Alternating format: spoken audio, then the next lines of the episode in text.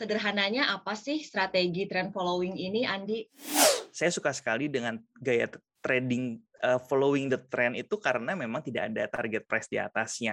Selalu harga itu bisa membuat uh, high yang lebih tinggi lagi atau harga yang lebih tinggi lagi secara berkala ya kan di dalam sebuah bullish trend atau di dalam sebuah uptrend.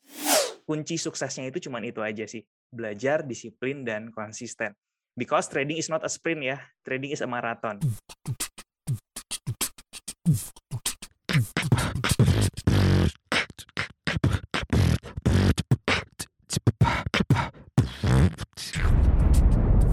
Cuap-cuap cuan. Halo Sobat Cuan semuanya, terima kasih kita ketemu lagi di podcast Cuap-Cuap Cuan bersama saya Alin Wiratmaja. Hari ini kita kedatangan seorang trader milenial yang luar biasa ya, sudah tidak asing lagi, namanya wangi banget ya. Nah, dia adalah Andi Senjaya. Halo Andi. Halo Cialin, apa kabar? Thank you udah undang loh. Iya, our pleasure. Terima kasih ya waktunya kita mau berbagi edukasi, ilmu-ilmu dan pengalaman nih dengan para sobat cuan semuanya. Pertama saya mau minta tanggapan Andi dulu dong untuk kondisi market yang kayak sekarang kayak gimana sih kalau menurut Andi? Jadi kayak kita konsol terus gitu. Mm -mm. Oke, jadi kalau kita lihat memang pergerakan IHSG kan uh, kurang lebih saat ini masih di dalam area konsolidasinya. Jadi masih belum berhasil uh, memberikan sebuah momentum yang bagus ketika dia keluar dari konsolidasi.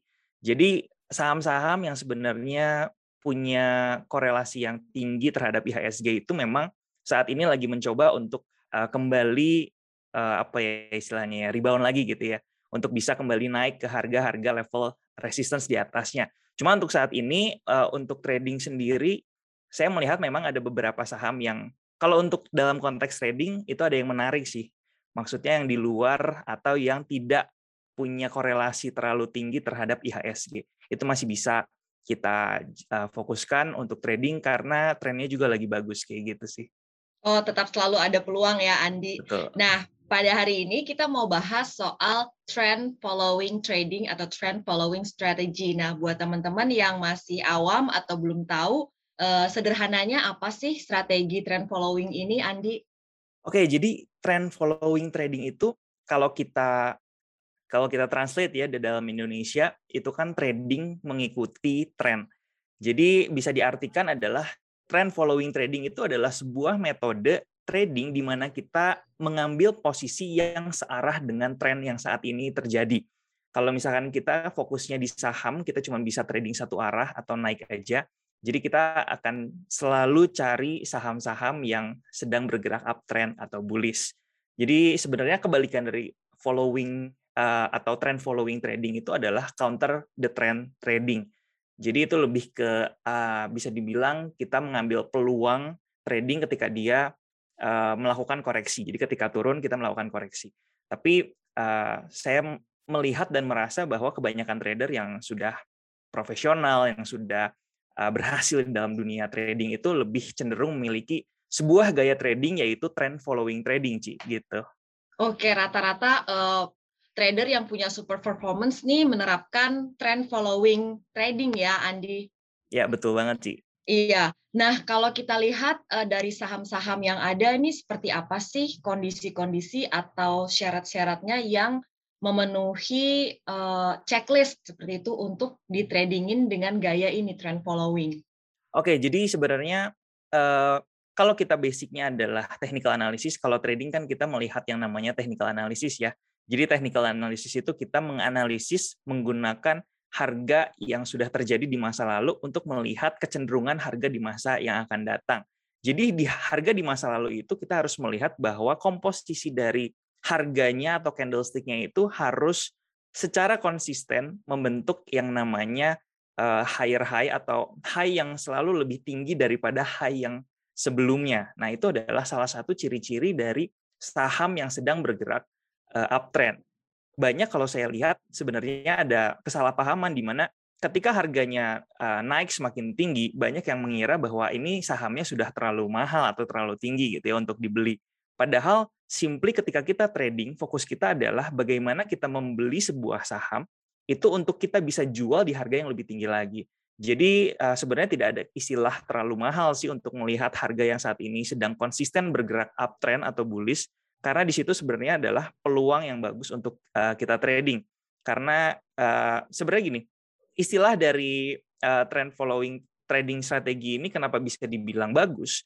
Karena dulu itu kalau kita balik lagi ke teori dasar dari technical analysis yang dikemukakan oleh Charles Henry Dow seorang jurnalis US yang mengamati pergerakan harga di bursa Wall Street ya waktu itu, dia mengemukakan ada enam prinsip dasar technical analysis yang sekarang dikenal dengan Dow Theory namanya. Nah, salah satunya adalah prinsipnya adalah price moves in the trend. Jadi harga itu ternyata memiliki karakteristik bahwa bergerak di dalam sebuah uh, tren yang jelas. Jadi kalau uh, saya pribadi lebih sering atau lebih senang melihat saham-saham yang saat ini bergerak uh, selalu menembus high yang sebelumnya ter terjadi itu adalah saham-saham yang potensial sebenarnya kayak gitu Ci. Oke, kalau kita sudah melihat ada saham yang uh, uptrend membentuk higher high, higher low seperti itu, kapan kita bisa menangkap momentumnya? Karena tadi seperti yang Andi bilang, sering kali kita ngerasa eh ini udah naik tinggi banget kayak gitu, kayaknya ketinggian deh. Tapi akhirnya we miss the party gitu karena saking kita ngerasa udah ketinggian deh, udah ketinggian akhirnya nggak masuk-masuk. Nah, cara untuk menangkap momentum entry-nya ini yang baik kayak gimana sih, Andi? Oke, ini sebenarnya good question banget sih. Kenapa? Karena banyak sekali dikorelasikan dengan FOMO ya. Kadang-kadang orang bilang ini harganya udah terlalu tinggi. Kalau kita beli uh, untuk menangkap harga yang lebih tinggi lagi, kita bisa aja FOMO kayak gitu ya. Nah, tapi uh, kita harus melihat bahwa di dalam sebuah technical analysis itu ada yang namanya uh, sebuah pola atau chart pattern. Kalau menurut salah salah seorang legendaris uh, trader legendaris ya, uh, seorang Jesse Livermore ini pernah ber, uh, mengemukakan sebuah pendapat bahwa dia sangat percaya bahwa uh, di dalam financial market itu akan ada selalu pola yang berulang-ulang. Nah, pola ini tuh dapat dari mana? Pola ini itu uh, didasari dari pergerakan harga itu yang didorong oleh manusia. Karena kita yang uh, langsung trading di dalam market, kita yang melakukan aksi beli atau jual dan aksi beli atau jual itu pasti dipengaruhi oleh psikologi manusia. Dan psikologi manusia itu dari waktu ke waktu itu tidak akan pernah berubah. Selalu ada yang namanya fear and greed di dalamnya. Dan itulah yang membentuk sebuah pola yang ada di dalam market itu menjadi terlihat di dalam sebuah grafik atau chart. Dan itu yang bisa kita pelajari sehingga memberikan kita sebuah konfirmasi atau informasi yang lebih baik lagi terhadap cara kita menyimpulkan arah pergerakan market selanjutnya kayak gitu. Nah, nanti kita harus pelajari yang namanya ada yang namanya pola continuation atau pola pelanjutan arah tren. Nah, dengan kita melihat bahwa saat ini harga sahamnya lagi naik atau uptrend, kemudian ada sebuah pola yang kita bisa identifikasi di situ ada sebuah pola continuation atau pelanjutan. Nah, di situ kita baru bisa mulai entry dan kita udah mulai dapat konfirmasi bahwa oh ya ada sebuah pola misalkan let's say uh, bullish penan itu adalah sebuah pola pelanjutan. Nah, ketika itu terbentuk kita baru bisa masuk kayak gitu. Jangan masuknya itu ketika benar-benar uh, harganya lagi running terus naik ya kan? Kita nggak tahu nih bakal stop di mana. Tapi kita akan tunggu pola yang jelas jadi kita bisa entry di level yang lebih ideal lagi gitu. Daripada kita sembarang uh, asal masuk atau entry tanpa kita mengukur resikonya justru udah semakin tinggi. Kayak gitu sih Ci. Oke, nah soal uh, skill untuk charting, kemudian memahami chart pattern ini seberapa krusial sih kalau kita mau menerapkan strategi trend following ini, Andi? Oke, sebenarnya gini, kalau uh, dari saya pengalaman saya pribadi ya, sebenarnya peng, uh, teori dasar dari technical analysis, misalkan tentang uh, trend analysis, kemudian tentang chart pattern, di semua uh, buku, di semua misalkan webinar atau semua edukasi itu sebenarnya sama semua dasarnya. Tapi kalau misalkan kita benar-benar menerapkan sesuai dengan textbooks-nya itu, harusnya kan hasilnya kan semuanya bisa positif. Tapi yang banyak sekali yang membedakan trader A dan trader B walaupun uh, memiliki konsep atau dasar technical analysis yang sama, hasilnya bisa berbeda. Kenapa seperti itu? Karena sebenarnya uh, kesuksesan dalam sebuah trading itu tidak diukur dari ha hanya kita bisa atau uh, tidaknya menganalisis harga arah marketnya ke mana. Karena yang lebih penting adalah bagaimana psikologi trading kita dalam menentukan uh, mengambil decision dalam sebuah market. Jadi menurut saya metode atau misalkan uh, keahlian kita atau skill kita menganalisis pergerakan harga selanjutnya itu hanya berkontribusi sekitar 10% aja sih terhadap uh, kesuksesan trading kita. Yang lebih penting di di di balik itu adalah bagaimana kita mengerti dan memahami konsep money management.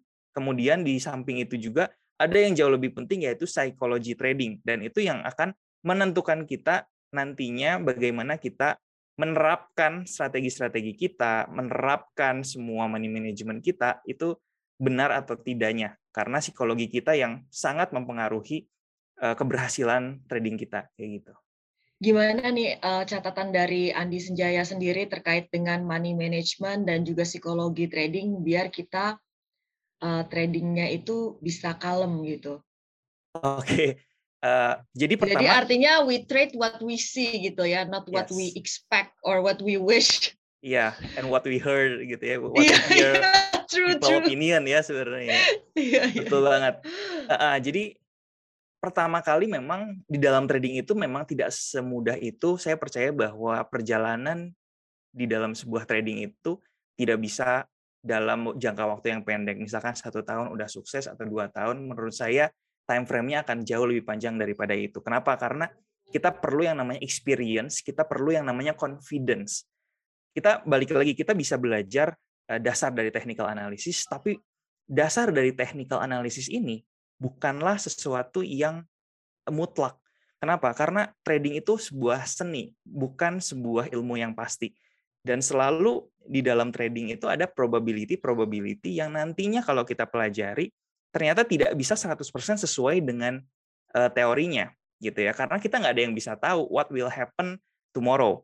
Bisa aja tiba-tiba uh, secara psikologi orang ada yang berubah secara langsung dan itu yang akan mempengaruhi pergerakan harganya menjadi anomali seperti itu. Jadi yang paling penting menurut saya adalah pertama kita harus uh, kita harus memahami dulu yang namanya money management. Kenapa? Karena trading tanpa money management, menurut saya kita melakukan sesuatu tanpa perhitungan.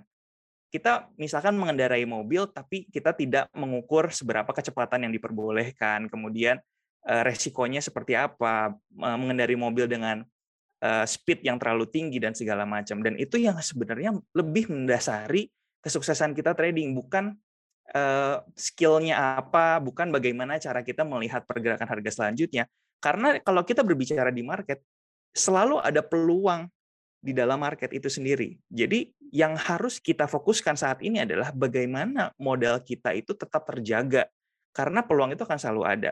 Jangan sampai kita lupa untuk menggunakan seat belt istilahnya ya. Jadi kita tradingnya dengan uh, dengan tanpa perhitungan sama sekali, yang nantinya malah sekali kita trading itu yang akan menyebabkan modal kita bisa tergerus luar biasa. Dan sekali gagal di dalam trading atau sekali kita salah mengelola uh, keuangan kita di dalam trading itu dampaknya akan lebih panjang lagi. Karena kita harus yang namanya uh, mencari momentum untuk break even kemudian kembali konsisten itu yang akan mempengaruhi psikologi nantinya akan lebih susah seperti itu sih Ci.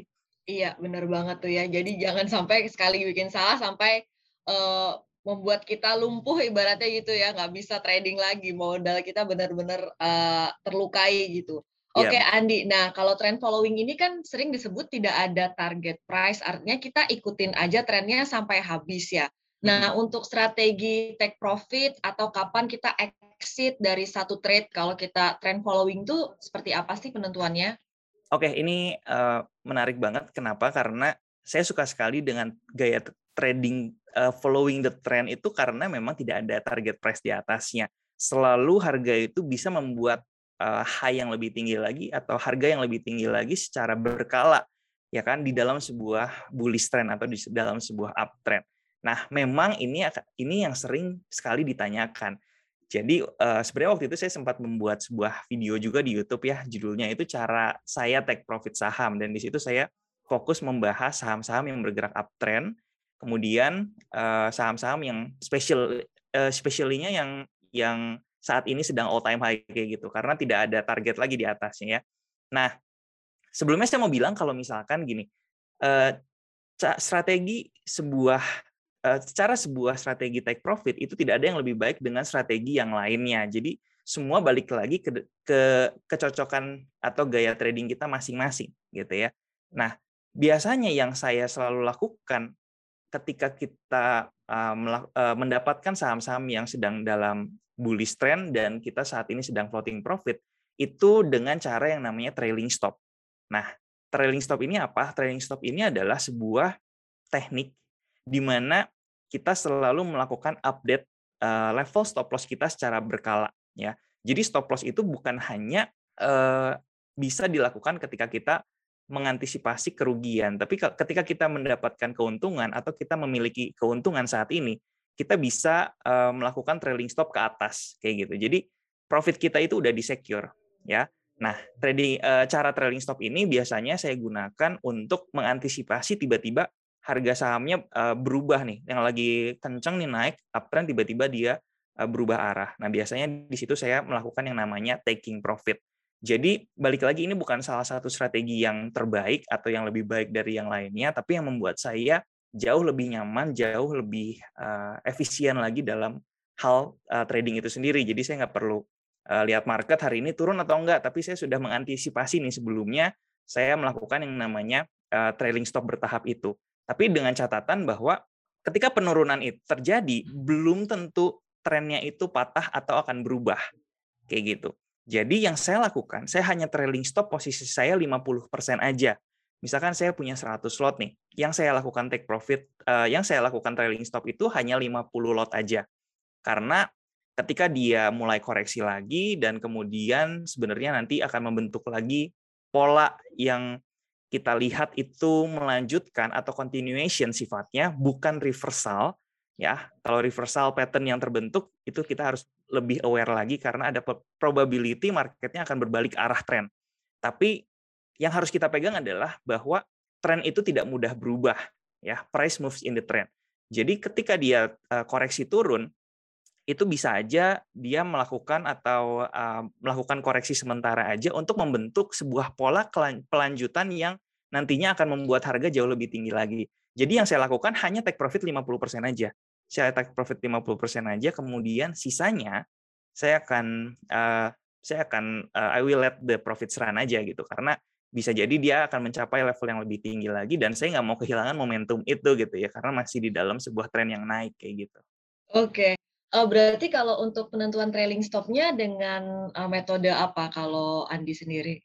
Oke, jadi sebenarnya balik lagi ini juga nggak ada yang jauh lebih baik dari yang lainnya karena saya melihat banyak sekali metode yang bisa kita lakukan.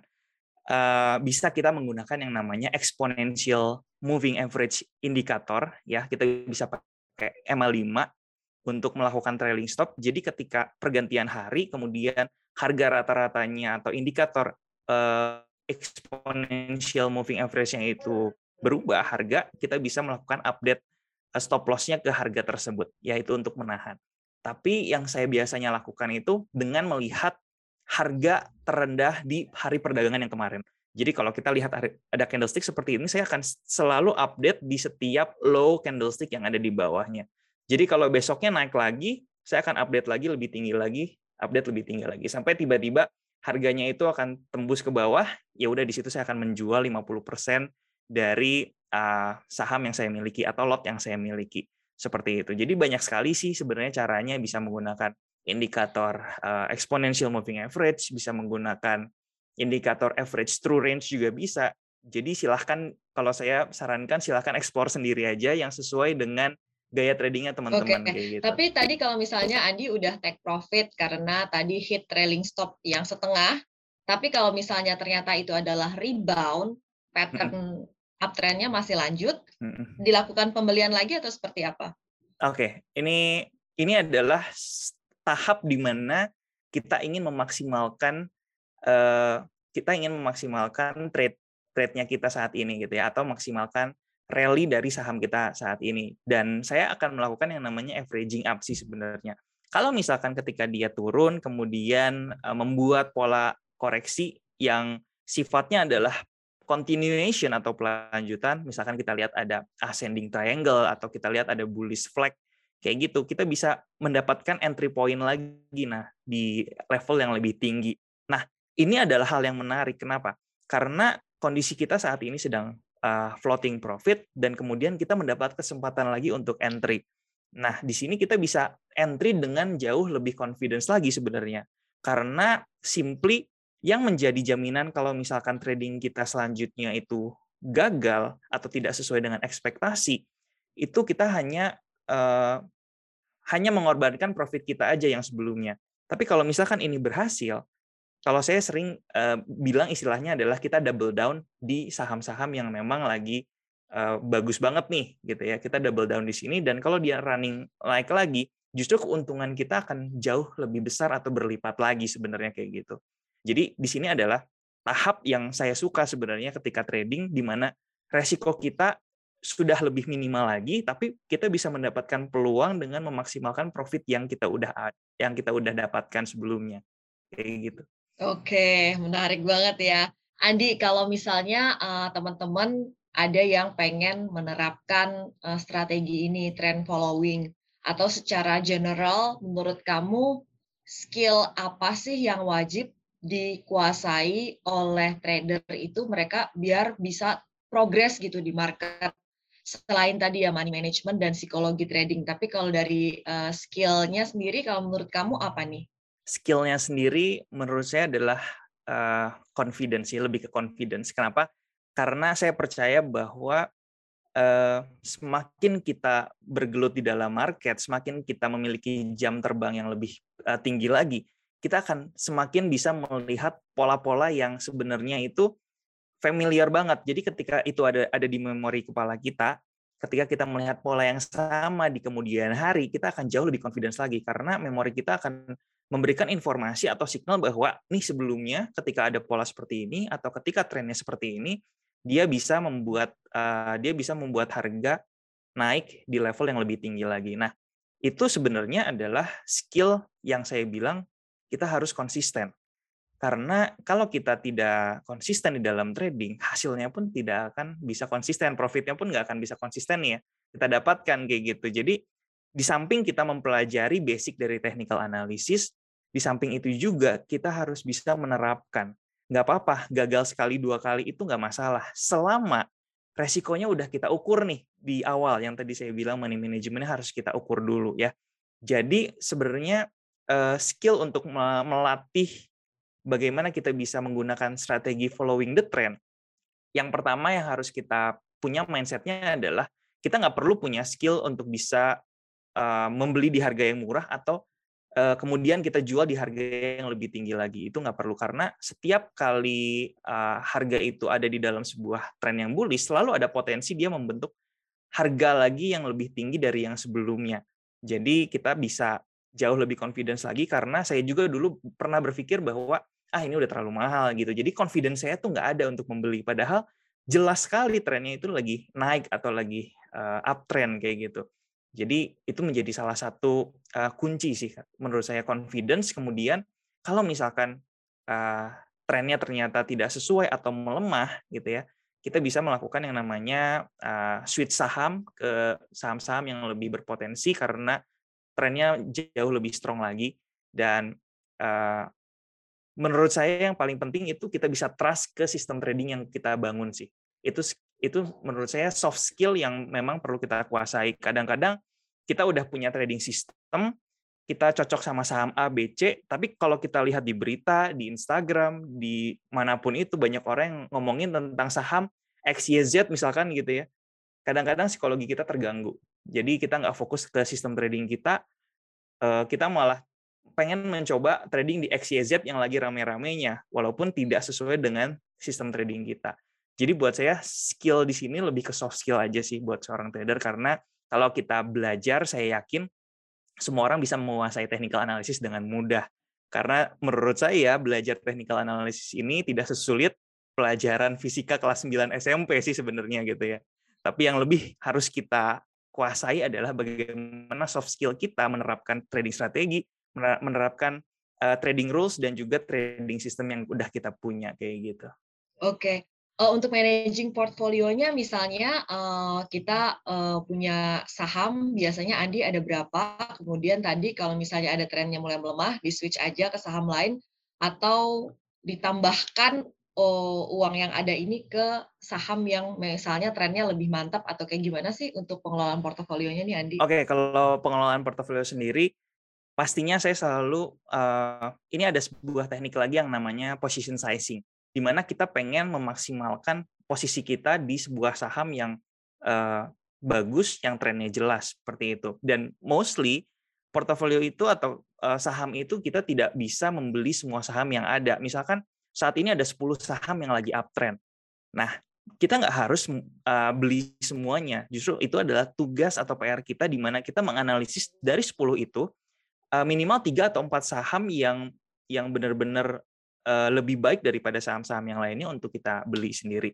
Jadi lebih penting buat saya untuk memiliki saham yang sedikit tapi punya uh, tren yang sangat jelas atau yang sangat strong daripada kita punya semua saham yang ada tapi trennya jadinya average aja gitu. Uh, performance-nya average aja kayak gitu. Jadi cukup 3 sampai 4 saham tapi kita nantinya akan melakukan yang namanya bagaimana kita memaksimalkan trading yang kita punya dengan cara yang tadi trailing stop, average up, itu adalah uh, tahap di mana kita udah ada di dalam sebuah tahap memaksimalkan uh, trading kita seperti itu. Menarik banget. Saatnya kita uh, tanya cepat.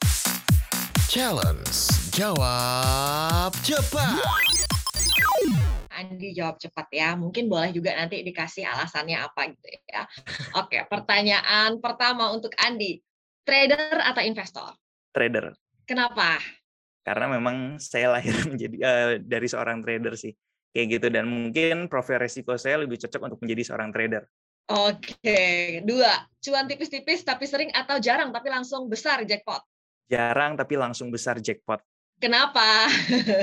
Karena kalau cuan tipis-tipis uh, harus trading lebih sering, which is fokus kita akan lebih uh, kepake, energi lebih kepake, dan kita harus memanage posisi kita juga lebih sering lagi gitu. Kalau saya mencari trading yang sesuai dengan kenyamanan saya pribadi aja sih gitu. Asik, cuan dengan nyaman ya sobat cuan. Ketiga, banyakkan blue chip atau second liner atau third liner nih di Porto saat ini? Uh, saat ini third liner kayaknya. second liner sama third liner lah bisa dibilang. Oke, karena memang lebih sesuai saham-saham ini ya untuk kondisi. System. Ya. Oh, sesuai dengan trading system ya. Oke. Nomor empat. Saat ini kondisinya lagi floating profit atau profit uh, floating loss? Uh, sedang floating profit karena kalau floating loss saya sangat uh, jarang sekali untuk ditahan kayak gitu. Oke, langsung di cut aja ya gitu ya. Betul. Oke. Challenge. Jawab cepat. Andi Senjaya, terima kasih waktunya untuk menutup uh, podcast ini. Boleh kasih pesan dong buat uh, sobat-sobat cuan nih yang lagi berjuang di market asik. Oke, boleh. Jadi mungkin pesan untuk sobat cuan, seharusnya trading itu bukan membuat kita jauh lebih stres, tapi membuat kita menjadi lebih banyak bersyukur karena dulu saya pernah naik kepikiran sampai uh, mengganggu aktivitas di dunia nyata saya gitu ya. Karena memang trading is uh, about money dan itu very very sensitif terhadap psikologi kita. Padahal seharusnya kan trading ini menjadi sebuah aktivitas yang menyenangkan kayak gitu. Jadi kita harus belajar untuk bersyukur kalau hari ini kita bisa menjadi pelaku pasar modal. Saya yakin di 10 tahun yang mendatang uh, kamu akan sobat cuan akan berterima kasih kepada uh, diri sobat cuan yang hari ini karena sudah berkomitmen untuk masuk ke dalam pasar modal, kemudian belajar, disiplin dan konsisten. Karena kunci, kunci suksesnya itu cuma itu aja sih, belajar, disiplin dan konsisten. Because trading is not a sprint ya, trading is a marathon kayak gitu. Itu aja sih pesan saya untuk sobat cuan. Semoga bermanfaat. Wah, bermanfaat banget dalam banget pesannya. Makasih Andi Senjaya. Sama-sama, uh, Cuan melimpah senantiasa ya, sehat selalu. Makasih sudah mampir di podcast Cuap-Cuap Cuan CNBC Indonesia. Thank you. Thank you. Ya Sobat Cuan itu tadi perbincangan kita dengan professional trader Andi Sejaya yang juga boleh dikatakan adalah influencer yang menginspirasi para Sobat Cuan semuanya untuk terus belajar dan berproses bertumbuh di pasar saham. Semoga perbincangan kita kali ini bermanfaat buat Sobat Cuan semuanya. Sampai jumpa di podcast berikutnya. Dan jangan lupa ya mampir di Instagram kami at cuap underscore cuan. Anda bisa mendengarkan podcast ini di Spotify, Google Podcast, dan juga Apple Podcast. Sampai ketemu lagi, bye!